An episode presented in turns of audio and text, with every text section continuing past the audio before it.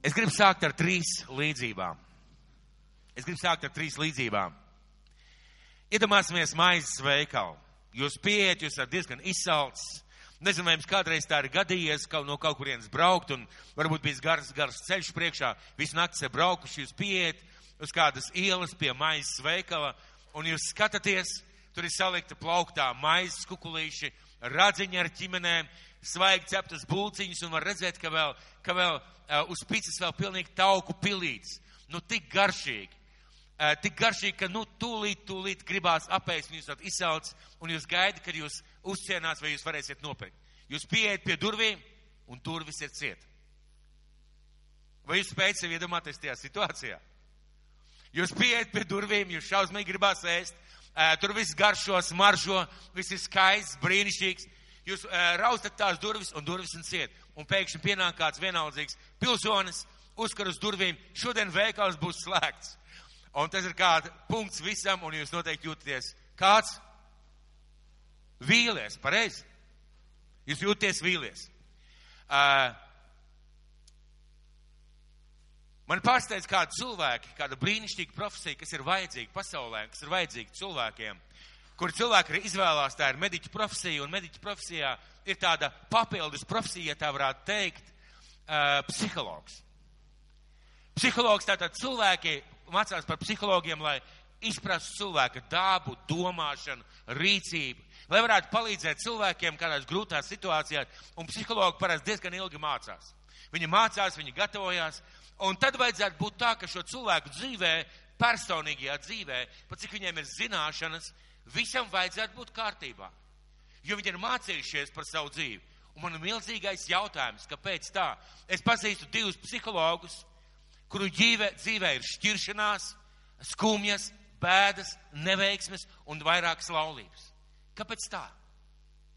Kāpēc tā, ja tev ir šī izglītība, kā palīdzēt cilvēkiem, vajadzētu mācīt palīdzēt arī sev, ko līdz psihologa profesija vai izglītība, ja tu ne, nespēji palīdzēt pats sev. Šī bija otra līdzība. Un trešā līdzība. Uh, sakiet, lūdzu, vai jūsu ikdienā vai sadzīvē vai ieiet veikalā, ja jūs zinat uh, vissarežģītāko algebras uh, formulu vai vairākas sarežģītas algebras formulas, bet nezināt vienkārši saskaitīšanu vai reizrunāšanu, vai jums palīdzēs algebras formulas? Vai jums palīdzēs algebras formulas? Kāds teiks, kā tā var būt? Tā var būt. Vai tieši tāpat kā ir cilvēki, kur ir gudri filozofi runāt par dzīvi, dzīves jēgu un nozīmi, un tu skaties uz viņa dzīvi, un viņa dzīvē viņš nav gatavs dzīvot. Viņš nav sagatavots dzīvei, ko palīdz filozofija un gudrība, ja nav dzīves spējas vai varēšanas. Kāpēc šīs trīs līdzības, vārds, ar kuru šodien es dalīšos, būs vienkāršais reizrēķins. Vienkāršais reizrēķins. Jo matemātikas pamatā reizināšanas, rēķināšanas pamatā mūsu sadzīvē par matemātiku runājot, ir reizēķins, saskaitīšana, atņemšana un dalīšana. Sauksim par vienkāršo reizrēķinu. Un vēl svētais gars man deva tādu papildus nosaukumu - lakmusa papīrīts. Lakmusa papīrīts. Vai zināt, kas ir lakmusa papīrīts? Zinu, lielākā daļa. Ar viņu testē, ja? Ar viņu pārbaudu, vai tur tā lieta ir īsta. Un ja mēs šodien uzdot uz ielas kādiem cilvēkiem jautājumu, kāds ir Dievs un vai ir Dievs. Mēs ietu pa ielu, satiktu kādus cilvēkus uh, un uzdot jautājumu, kāds ir Dievs un kas ir Dievs. Mēs varētu dabūt ārkārtīgi daudz dažādas atbildes, ārkārtīgi daudz dažādu variantu. Un iziet no domāšanas veida, uh, šīs atbildes būtu dažādas. Ja cilvēkam jums prasīt kādam biznesa cilvēkam, kas ir Dievs un kāds ir Dievs, viņa atbildes noteikti būtu gudras, izsvērtas, tādas varbūt pamatotas. Ja mēs prasītu vienkāršam cilvēkam, viņas būtu daudz, daudz savādākas. Mēs saņemtu atbildes izjūt no tās situācijas, kā cilvēkam personīgi dzīvē iet. Ja cilvēkam viss ir labi, viss notiek, brīnišķīga situācija, es domāju, ka viņš teikt, nu, Dievs, nu, Dievs ir labs, jo viņam viss ir labi. Ja mēs satiktu kādu cilvēkam, neiet dzīvē tik labi, viņa atbild būtu, kur ir Dievs? esmu slims, man nav naudas, vēl kaut kādas problēmas. Dievs ir slikts, Dievs ir ļauns, Dievs nerūpējās par mani. Iziet no garīgās pieredzes un no zināšanām. Ja cilvēks būtu lasījis Bībeli, kaut vai lasījis, vai dzirdējis, vai bijis kādās lietās, vai situācijās, vai vietās, kur runā par garīgo pasauli, šīs atbildes būtu dažādākas. Viņas būtu gudras, varbūt nosvērtas. Eh, un kādas būtu mūsu atbildes, ja mūsu atbildes būtu savādākas, izjūt no situācijas, ja mēs runātu ar kristieti. Un atbildes varētu būt uh, dažādas, ļoti dažādas. Es varētu paņemt šeit kādus tādus piemērus, kā mēs varētu dzirdēt šīs atbildes. Un atbildes varētu būt, ko mēs uzdodot jautājumus, saņemtu, Dievs ir radītājs. Dievs ir augstākais saprāts. Dievs ir visu spējīgs, visu varants, visu redzošs, visu zinošs, un katram savu variantu, savus domas, un tā varētu turpināt līdz bezgalīgai. Un daudziem Un daudz kas no tā varētu būt taisnība. Varētu būt taisnība, ko cilvēks saka, vai kā cilvēki domā. Un eh, ļoti daudz kas no tā mani neiespaidot, ja es neticētu. Kā cilvēks sevišķi neskartu manu dzīvi, nepalīdzētu nekādā veidā, piemēram, ja cilvēks, ja cilvēks ir netic Dievam un ja cilvēks nav sastapies ar Dievu, tad atbilde, viņš ir visu varans, ko tas nozīmē manā dzīvē? Manu dzīvi tas pilnīgi neskaro. Ziniet, tā latviešiem tāds teiciens kā pīlēja ūdens. Pat ja cilvēks noformulētu šīs kaut kādas atbildes, daudz no šīm lietām cilvēkam pašam noietu garām kā pīlēja ūdens, jo tas nav saistīts ar manu dzīvi. Tas nekādā veidā neiespaido manu dzīvi. Lai Dievs varētu būt mans Dievs, ir jābūt kaut kam tādam, kas vistiešākajā veidā varētu iespaidot manu dzīvi, ienākt manā dzīvē, lai Dievs varētu izmainīt man dzīvi kaut kam tādam, ka, lai es būtu gatavs Dievu ielaist savā dzīvē. Kaut kā tādam, lai es būtu gatavs ielaist Dievu savā dzīvē. Un kas ir Dievā tāds, kas iespaido un izmaina manu dzīvi? Vai ikvienu cilvēku dzīvi, pat ja mēs neticam? Kas ir Dieva galvenā īpašība, no kurienes viss sākās? kas iespaido manas domas par viņu, kas iespaido, kā es skatos uz viņu, kas man liek doties ticības dievam virzienā, kā cilvēkam, kurš nepazīst dievu.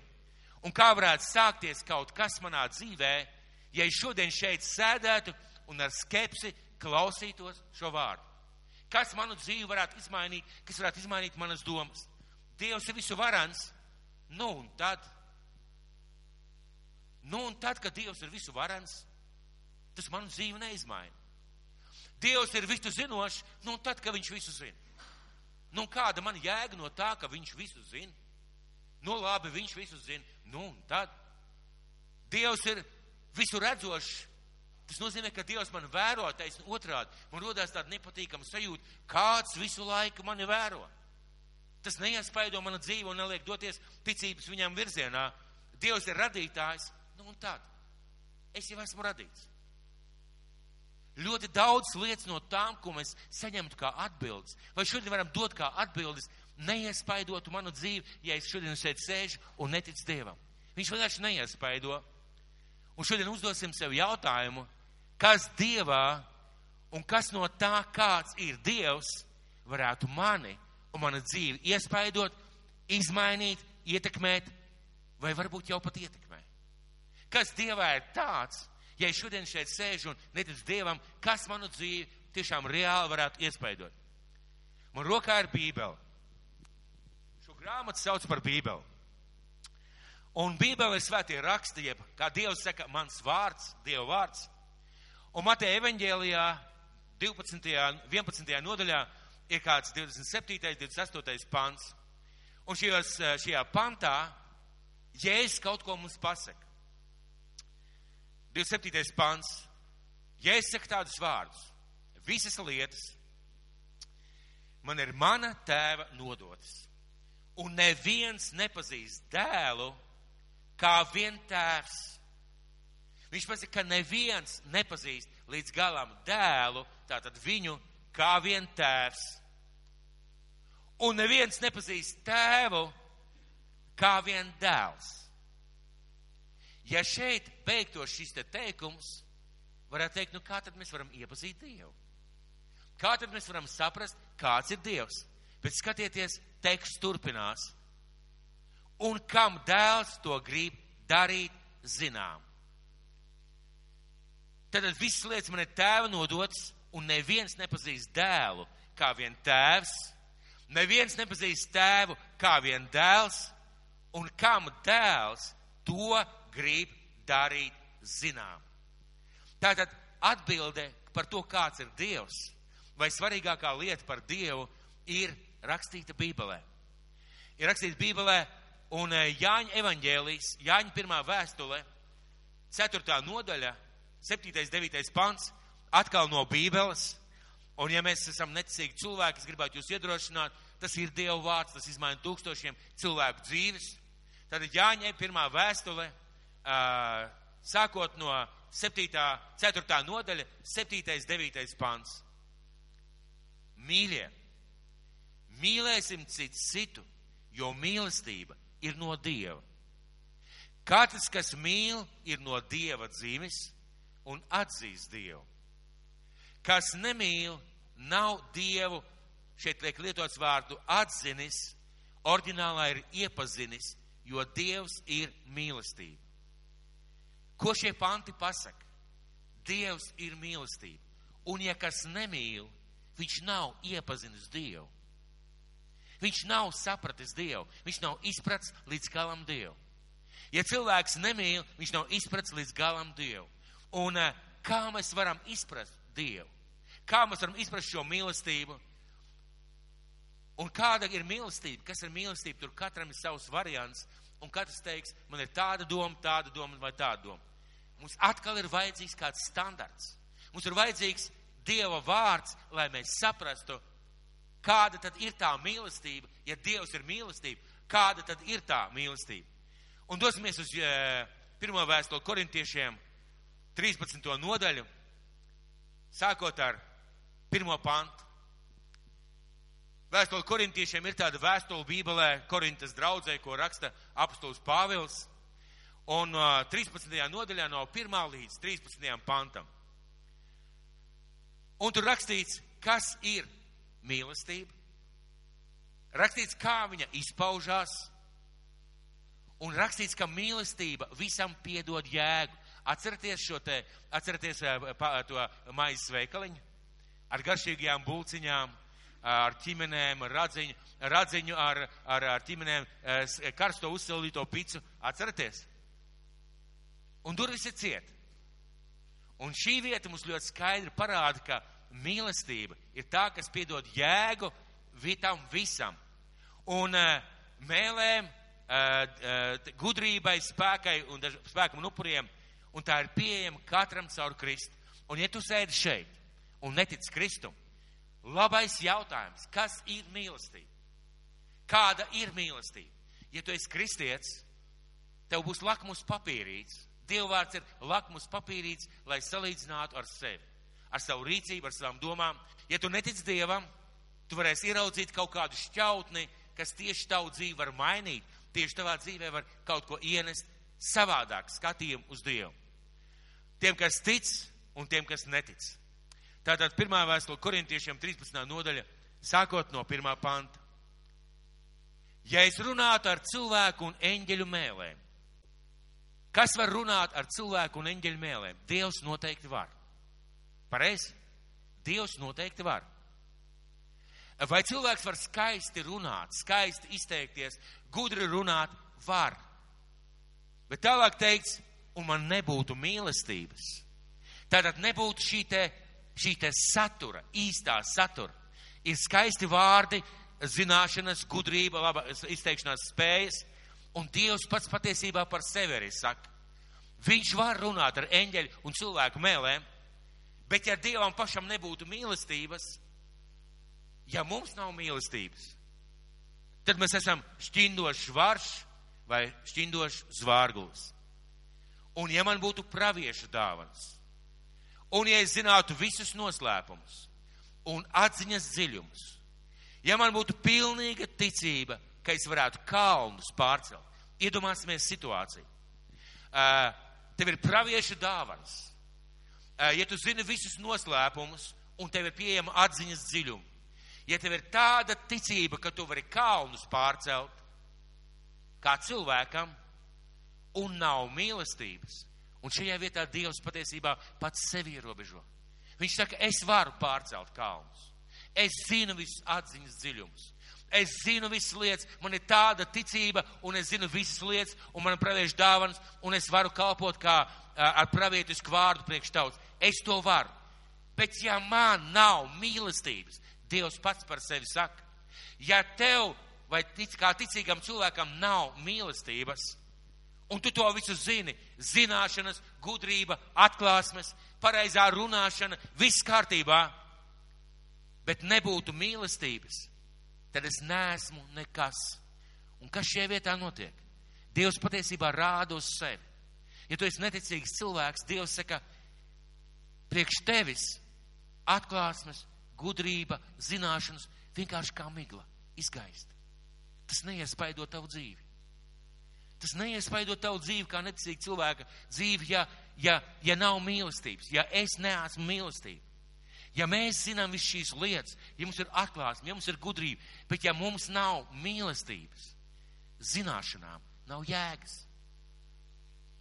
Gudrībai nav jēgas. Izrādās, nav nozīmes, šis lakmus papīrīts mīlestība, nav nozīmes, ka tu zini Bībeli, nav nozīmes, ka tu zini vārdu, nav nozīmes, ka tu esi piešķīris sev pagonus, pravietis vai kaut kas tam līdzīgi. Izrādās, nav nozīmes. Lasīsim tālāk. Un ja es visu savu mantu izdalītu nabagiem un nodot savu miesu, lai mani sadedzina, ja visu savu mantu izdalītu nabagiem, Cilvēks var izdalīt, izdalīt visu savu mantu nabagiem un pat nodot savu miesu, lai viņus sadedzina. Mēs zinām, ka Kristus, ka Kristus atteicās no visām bagātībām, visām privilēģijām, kas bija debesīs, nonāca uz šīs zemes. Mēs zinām, ka viņš atdeva savu miesu par mūsu glābšanu, par mūsu pestīšanu. Un tālāk tiek teikts, bet ja nav, bet ja nav, ja šis lakmus papīrīts iemērts, iemērts šajā, te, šajā notikumā, Bet ja man nav, bet man nebūtu mīlestības, tad tas man nelīdz neniek. Redz, mīļais draugs, ja tu šeit sēdi, un svarīgākais, ko Dievs tev grib pateikt, mīlestība ir Viņš. Viņš ir mīlestība. Viņš visas lietas mūsu dzīvē dara aiz mīlestības. Un viņš māca mums, arī tiem, kas šobrīd ticam, visas lietas darīt aiz mīlestības. Tu vari braukt tu vari darīt, tu vari ziedot, tu vari veltīt visu savu laiku. Jautājums ir motīvs. Kāpēc? Kas tam visam piedod jēgu? Kas tam visam piedod nozīmi?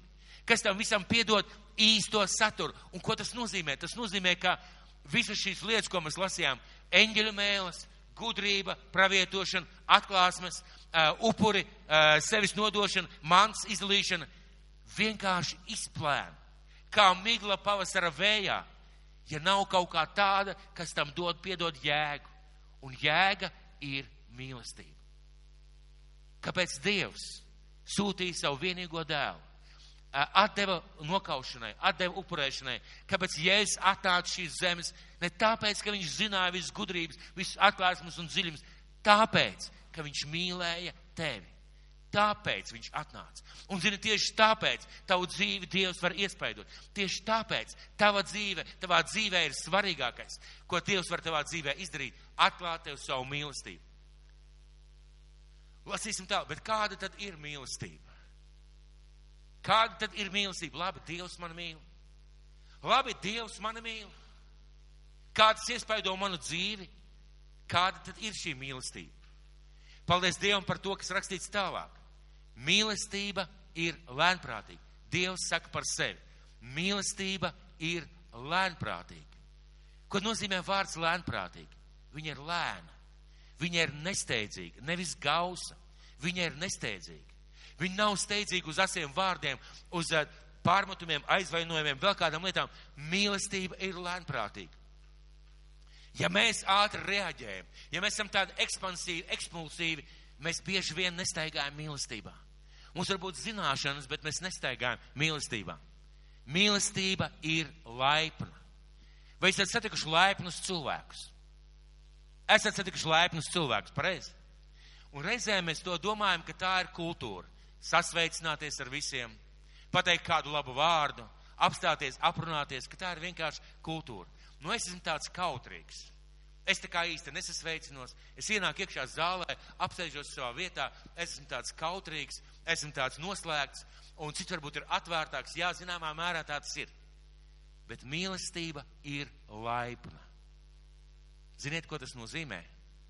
Mīlestība ir laipna. Mīlestība ir laipna.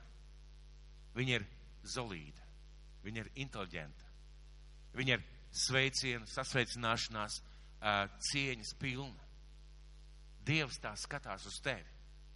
Lai tu būtu ticīgs vai neticīgs cilvēks, Dievs tā skatās uz tevi. Mums reizēm gadās tā, ka mēs paējam viens otram garām. Vajadzētu būt drusku savādāk. Un ja tu savā pravietiskajā skrējienā paskrien visiem garām, un nevienu nesveicinies, vai tu neesi savus bērnus iemācījis, ka jāsveicinās, vai kāda savādāka situācija, izrādās, izrādās tas nav tas pats, ko Dievs būtu gribējis. Es ziniet, kas, kā es iedomājos šodien no rīta, domājot par šo mīlestību laipni. Es iedomājos, ja Jēzus ienāk šajā telpā, ja Jēzus ienāk šajā telpā, un mēs zinām, ka viņš staigā principā cauri cilvēkiem. Kā jūs domājat? Viņš atnāk nosēstos šeit un cēlus sēdētu? Nu, pamēģināsim padomāt. Es domāju, ka viņš pieiet un ar visiem sasveicinātos. Es personīgi domāju, ka viņš pieiet un uzsmaidīt saviem bērniem. Es personīgi domāju, ka viņš noteikti pieiet un pateikt kādu labu vārdu. Ziniet, kāpēc? Jo viņš ir mīlestība, un mīlestība ir laipna. Mīlestība laipna. Tas nozīmē, ka man ir vērts domāt par tādu Dievu. Mīlestība neskauž. Tas nozīmē, ka Dievs nekad neskauž mūsu panākumus. Dievam neskauž, ja tev iet labi. Dievam neskauž, ja kāds tevi slavē. Dievam neskauž, ja kāds tev pasaka paldies. Dievam neskauž, ja tu brauc ar labu mašīnu. Dievam neskauž, ja tu dzīvo normālā dzīvoklī. Dievam neskauž, ka, ja Dievs tev kaut kādā veidā svētī. Dievam neskauž. Ziniet, kāpēc? Dievs ir mīlestība. Un mīlestība neskauž. Lasīsim tālāk. Mīlestība nelielās, un tā nav uzpūtīga. Vai jums kādreiz ir gadījies lielīties?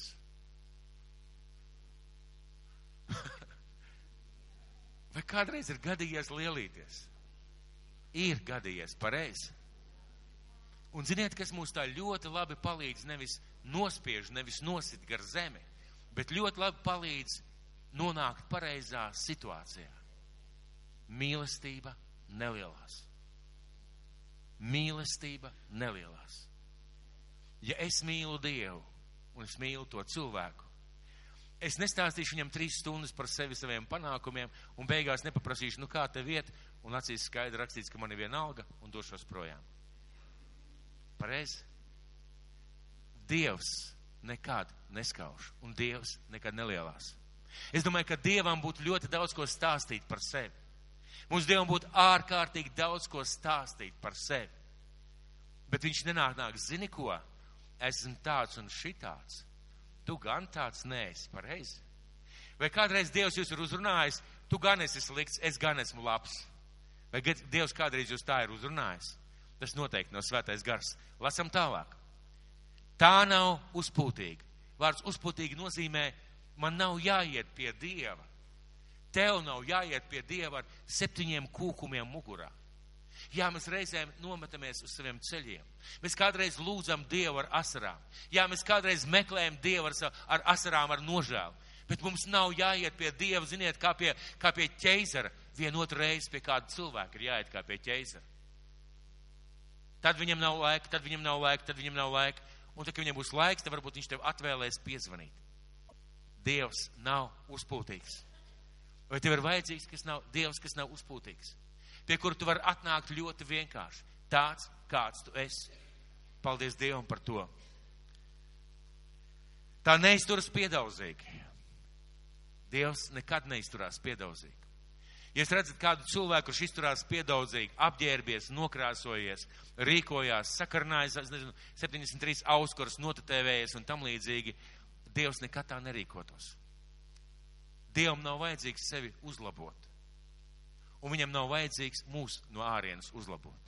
Ja viņš rūpējas par drēbēm, viņš domā, lai tu labi izskaties, un paldies Dievam par to, ka viņš sievietēm stāsta par skaistumu, par skaistiem apģērbiem, skaistām krellītēm, nezinu, skaistiem sudraba auskariņiem. Sievietēm tas viss piedarās, bet to visu var lietot arī piedaudzīgi un teikt, galvenais, ka Dievs manā sirdī, viss pārējais jau ir kārtībā. Ziniet, es tiešām nevienu meiteni negribētu aizvainot. Bet, ziniet, es vienreiz saņēmu tādu vārdu. Es vienreiz saņēmu tādu vārdu. Man nav jānāk uz baznīcu, lai skatītos uz sieviešu apakšveļu. Jūs man piekritīsiet pareizi. Reizēm tā gadās, vai ne? Un cilvēks saka, nu, zini, galvenais, ka Dievs ir manā sirdī. Tā nav. Dievs nerīkojās piedaudzīgi. Viņš nerīkojas tā, ka cilvēki pie viņa var piedaudzīties. Tā nemeklē savu labumu. Ja kāds varētu atļauties meklēt savu labumu, tad tas ir Dievs. Bet ziniet, kas ir fantastiskais? Dievs nemeklē savu labumu, viņš meklē tavu labumu. Kad mēs runājam ar cilvēkiem, kad mēs kalpojam cilvēkiem, kad mēs esam kopā ar cilvēkiem, lielais jautājums ir, kādu labumu mēs meklējam. Tā cilvēka labumu vai savu labumu. es meklēju Dieva labumu vai savu labumu. Tā neskaists. Mēs zinām, ka Dievs dusmojās. Mēs zinām, ka Dievs var būt dusmīgs. Bet, ziniet, ļoti interesanti, ka Dieva dusmas apraksta divi vārdi. Vispār vārds dusmas tiek lietots divās nozīmēs. Vienas ir spontānas, nevaldāmas, tādas uh, nekontrolējamas. Mēs lasām Bībelē par tādām dusmām, kur cilvēki tādā veidā dusmojās. Katru reizi, kad rakstīts, ka Dievs dusmojās, iet runa par kontrolētām, lēnprātīgām, pazemīgām, bet konkrētām dusmām, kuras izpaužās Dieva mierīgajā rīcībā. Kā tas izpaužās? Ļoti dažādi. Mēs skatāmies, ka Jēzus nopina pātagu. Mēs varam teikt, Jēzus nopina pātagu un izdzina visu, kur tur ir dusmas. Rakstīts, viņš bija dusmīgs, bet viņš apsēdās, nopina pātagu un izdzina visu sārā. Dievs var būt uz tevi dusmīgs. Ja mēs rīkojamies nepareizi, darām nepareizi, Dievs var būt uz mums dusmīgs. Bet, zini, tu vari būt pārliecināts. Tu vari būt pārliecināts. Dievs nestāv ar garu koku un negaida, kurā mirklī tu kļūdīsies. Lai iesis tev pa pirkstiem vai iesis tev pa, pa pleciem. Dievs nekad tāds nav. Viņš nekad tā nerīkojās. Viņš vienmēr apsver, kā, kādā veidā tev tas viss var nākt par labu. Dievs neskaists, tā nepiemin ļaunu. Dievs nepiemin ļaunu. Kas ir ļoti fantastiski, mēs varam darīt vislielākās muļķības, vislielākās glupības, ja tā varētu teikt. Bet, ja mēs nākam pie Dieva, sakam, debes tēvs piedod, Viņš mums piedod. Viņš mums vienkārši piedod. Viņš nepiemin ļaunu. Tā nepriecājas par netaisnību, redz. Reizēm mums cilvēkiem gadās, ka mēs priecājamies par kādām lietām, ko mums izdevās labi nofīrēt, labi nokārtot. Nu, varbūt piecīti policistam, nezinu, izbrauc cauri visiem svetoforiem pa sarkano gaismu. Fū, paldies Dievam, neviens virsū neuzskrēja. Uh, darīja kādas lietas, kārtoja kādas darba darīšanas, kaut kā nokārtoja to visu tā pa kreiso. Labi, paldies Dievam, viss izdevās. Dievs par to nekad nav priecājies. Un viņš nekad nepriecāsies par šīm lietām, bet priecājas par patiesību. Mūsu dabas tēvs vienmēr priecājas. Vienmēr priecājas, kad mēs dzīvojam vai staigājam patiesībā, kad mēs darām patiesību, kad mēs rīkojamies pareizi. Dievs vienmēr priecājas. Tā apklāja visu, vai Dievs var apklāt visus manus grēkus? Vai Dievs var apklāt visas manas kļūdas? Vai Dievs var apklāt manu dzīvi, kurā ir bijis tas, tas, tas un tas? Vai Dievs var piedot? Šie vietā rakstīts, viņš apklāja visu. Jā, ir nosacījums, ja tu lūdz piedošanu. Jā, ir nosacījums, ja tu nāc pie viņa un saki, Dievs, es esmu grēkojis. Man ir žēl, ka es tā darīju. Un ziniet, kas tajā mirklī notiek? Tāds kā audums, viņš pārklāja visu. Un Dievs nekad tā nedarīs. Atcerieties, mīļie brāļi, Dievs nekad tā nedarīs. Atceries toreiz tu. Atceries, mīļās māsas un mīļie brāļi. Jums kādreiz ir gadījies teikt vārdus, tu vienmēr. Tu vienmēr dari tā. Tu nekad. nedari tā. Pareizi? Ir gadījies? Un mums reizēm liekas ļoti pareizi, vai ne? Un ziniet, ko Dievs nekad tā neteiks? Tu vienmēr, tu nekad. Dievs nekad, tādā veidā laikam nekad arī neteiks. Jo viņš apklāja visu. Tā tic visu. Dievs tic uz tavu dzīvi. Dievs tic, ka tavā dzīvē tev var sanākt. Dievs tic, ka tu vari mainīties. Dievs tic, ka tavā dzīvē var būt labas un brīnišķīgas lietas, vienalga, kas tavā dzīvē arī noticis. Dievs tic tev un uzticās tev. Tā cer visu, tā panes visu. Tas mani vienmēr pārsteidz. Man tiešām tas vienmēr pārsteidz. Visu varenais, visu spēcīgais, radītājs. Viņš ir gatavs panest visu, lai tu būtu laimīgs. Viņš ir gatavs panest visu, visas tavas kļūdas, visas tavas grēkus, visas tavas nepareizās lietas, lai tu varētu dzīvot, lai tu varētu elpot, lai tu varētu baudīt no viņa žēlastības. Dievs ir gatavs panest visu. Un atkal, protams, tur ir kāds nosacījums. Ja mēs lūdzam piedošanu, ja mēs sakam, Dievs, man nebija taisnība, un vistrakākās lietas, kas mūsu dzīvē var notikt, tas nozīmē, ka mēs varam būt tādā veidā, būt Dievu mīlēt arī pēc, pēc tam. Tā cer visu, tā panes visu. Mīlestība nekad nebeidzas. Dievs nekad nebeidz, un arī mīlestība nekad nebeigsies. Mīlestība nekad nebeidzas. Praviešu dāvanas beigsies, valodas apklusīs, atziņa izbeigsies. Dievs mums dod dāvanas uz priekš šīs zemes un kalpošanai šeit. Dievs dod kādam cilvēkam spēju runāt, kādam cilvēkam spēju vadīt, kādam cilvēkam spēju organizēt, kādam kalpot saimnieciskajās lietās, kādam kaut ko organizēt. Un Bībelē saka, tas viss vienu dienu beigsies. Visas lietas vienu dienu beigsies. Ziniet, kas nebeigsies? Tas, kas slēpjas aiz šīm dāvanām. Tas, kam vajadzētu slēpties aiz šīm dāvanām - mīlestība. Šī mīlestība nekad nebeigsies. Tāpat kā Dievs. Jo tā ir Dieva īpašība. Tas nozīmē, ka Dievs nekad nebeigsies. Praviešu dāvanas beigsies, valodas apkasīs, atziņas beigsies, jo nepilnīga ir mūsu atziņa un nepilnīga ir mūsu mācība. Man vienmēr pārsteidz tie cilvēki. Un ja tu šeit, šeit un netic Dievam, un tev ir gadījies satikties ar kādu cilvēku, kurim ir atbildes uz visiem jautājumiem, kurš ir eksperts visos jautājumos, kurš neļauj tev pateikt vienu vārdu, viņam ir 73 dažādi argumenti, tad lūk, man tev ir labā vēsts. Nepilnīga ir mūsu mācība, un nepilnīga ir mūsu sludināšana. Nepilnīga. Jo mēs Dievu nekad līdz galam neizpratīsim. Viņš ir pilnīgs. Viņā viss ir. Un caur viņu mēs varam tuvoties tai pilnībai, ko Dievs mums ir paredzējis. Jo nepilnīgi mūsu atziņa, nepilnīgi mūsu mācība. Bet, kad nāks pilnība, tad beigsies, kas bija nepilnīgs. Kas stāv aiz šī panta? Bībele saka, ka Jēzus Kristus vienreiz atnāks uz zemi. Otrais. Viņš atnāks uz šo zemi un viņš mainīs šo zemi. Tas nozīmē, ka tajā mirklī viss tās dāvanas, viss tās lietas, ko mēs esam runājuši, darījuši, organizējuši, tiks pārbaudīts ar vienu lietu. Kas aiz tā stāvēja? Kas stāvēja aiz tavas sveicienu? Kas stāvēja aiz tavas gudrības? Kas stāvēja aiz tavas pravietošanas? Kas stāvēja aiz taviem ziedojumiem? Kas stāvēja aiz visu tā? Tas būs lakmusa papīrīts. Un mēs sakam, ka, zinām, ka Dieva mīlestība paliek. Un tas, ko mēs esam mīlestībā darījuši, Dievs paliek un Dieva mīlestība paliek.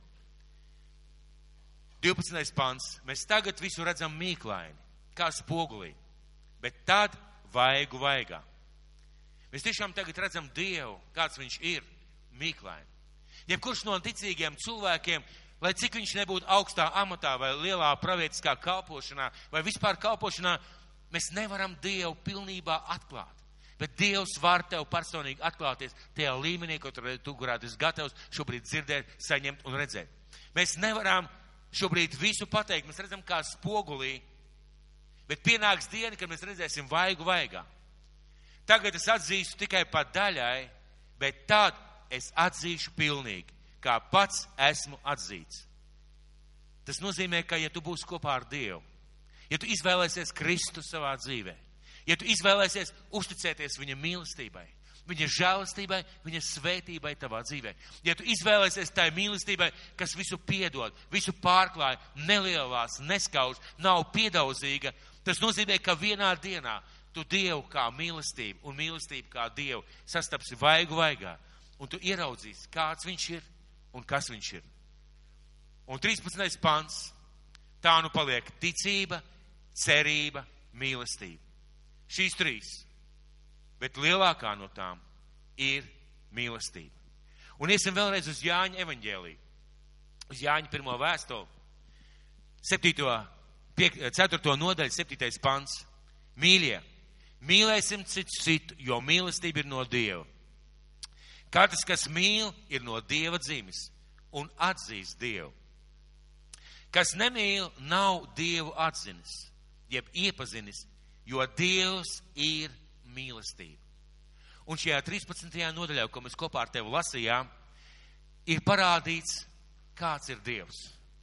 Kāda ir tā mīlestība, kas staro no viņa. Un zini, ko man tev ir labā vēsts? Tāds Dievs tev ir vajadzīgs. Jā, viņš visu zinošs, visu varošs, visu spēcīgs. Jā, viņš ir radītājs, bet viņš tev mīl ar tādu mīlestību. Viņš tev mīl tā, kā mēs lasījām. Viņš vēlās dot tev tādu mīlestību, kā mēs šajā mirklī lasījām, kā mēs izgājām cauri. Tādu Dievu vajag ikvienam. Tādu Dievu vajag ikvienam. Tāds reizrēķins ir vajadzīgs ikvienam. Vai tev vajadzētu tādu Dievu iepazīt? Pilnīgi noteikti. Tev vajadzētu tādu Dievu iepazīt. Vai tev vajadzētu tādam Dievam noticēt? Pilnīgi noteikti. Jo tu esi īpašs. Jā, kādam kāds teiks, ikvienam var pateikt, ka tu esi īpašs taisnība. Mēs ik viens esam īpašs.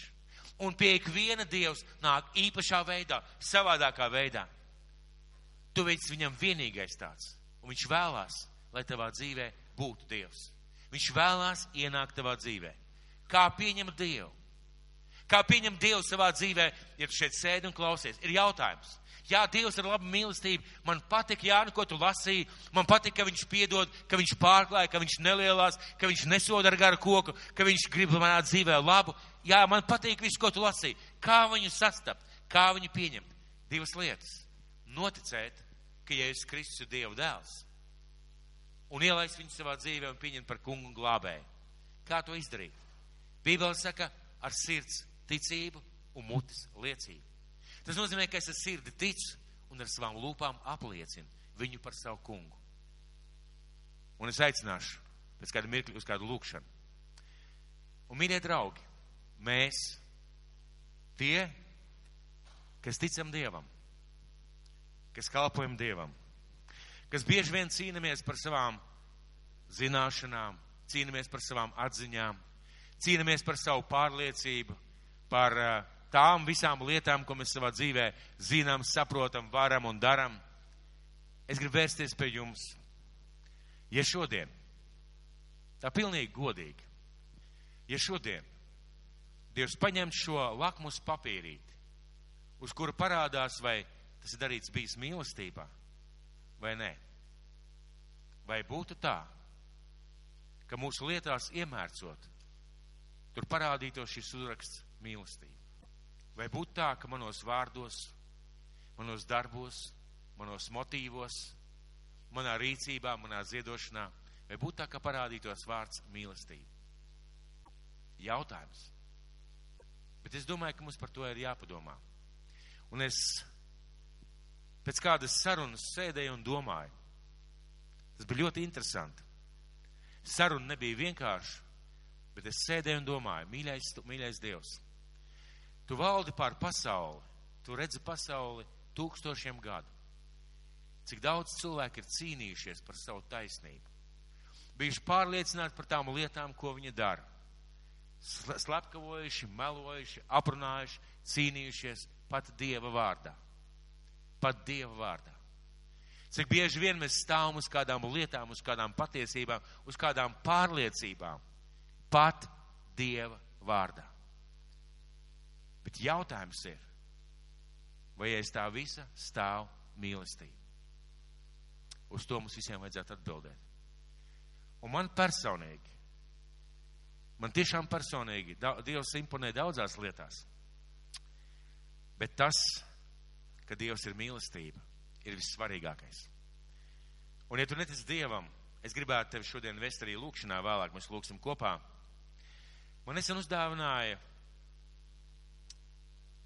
kādu kartiņu.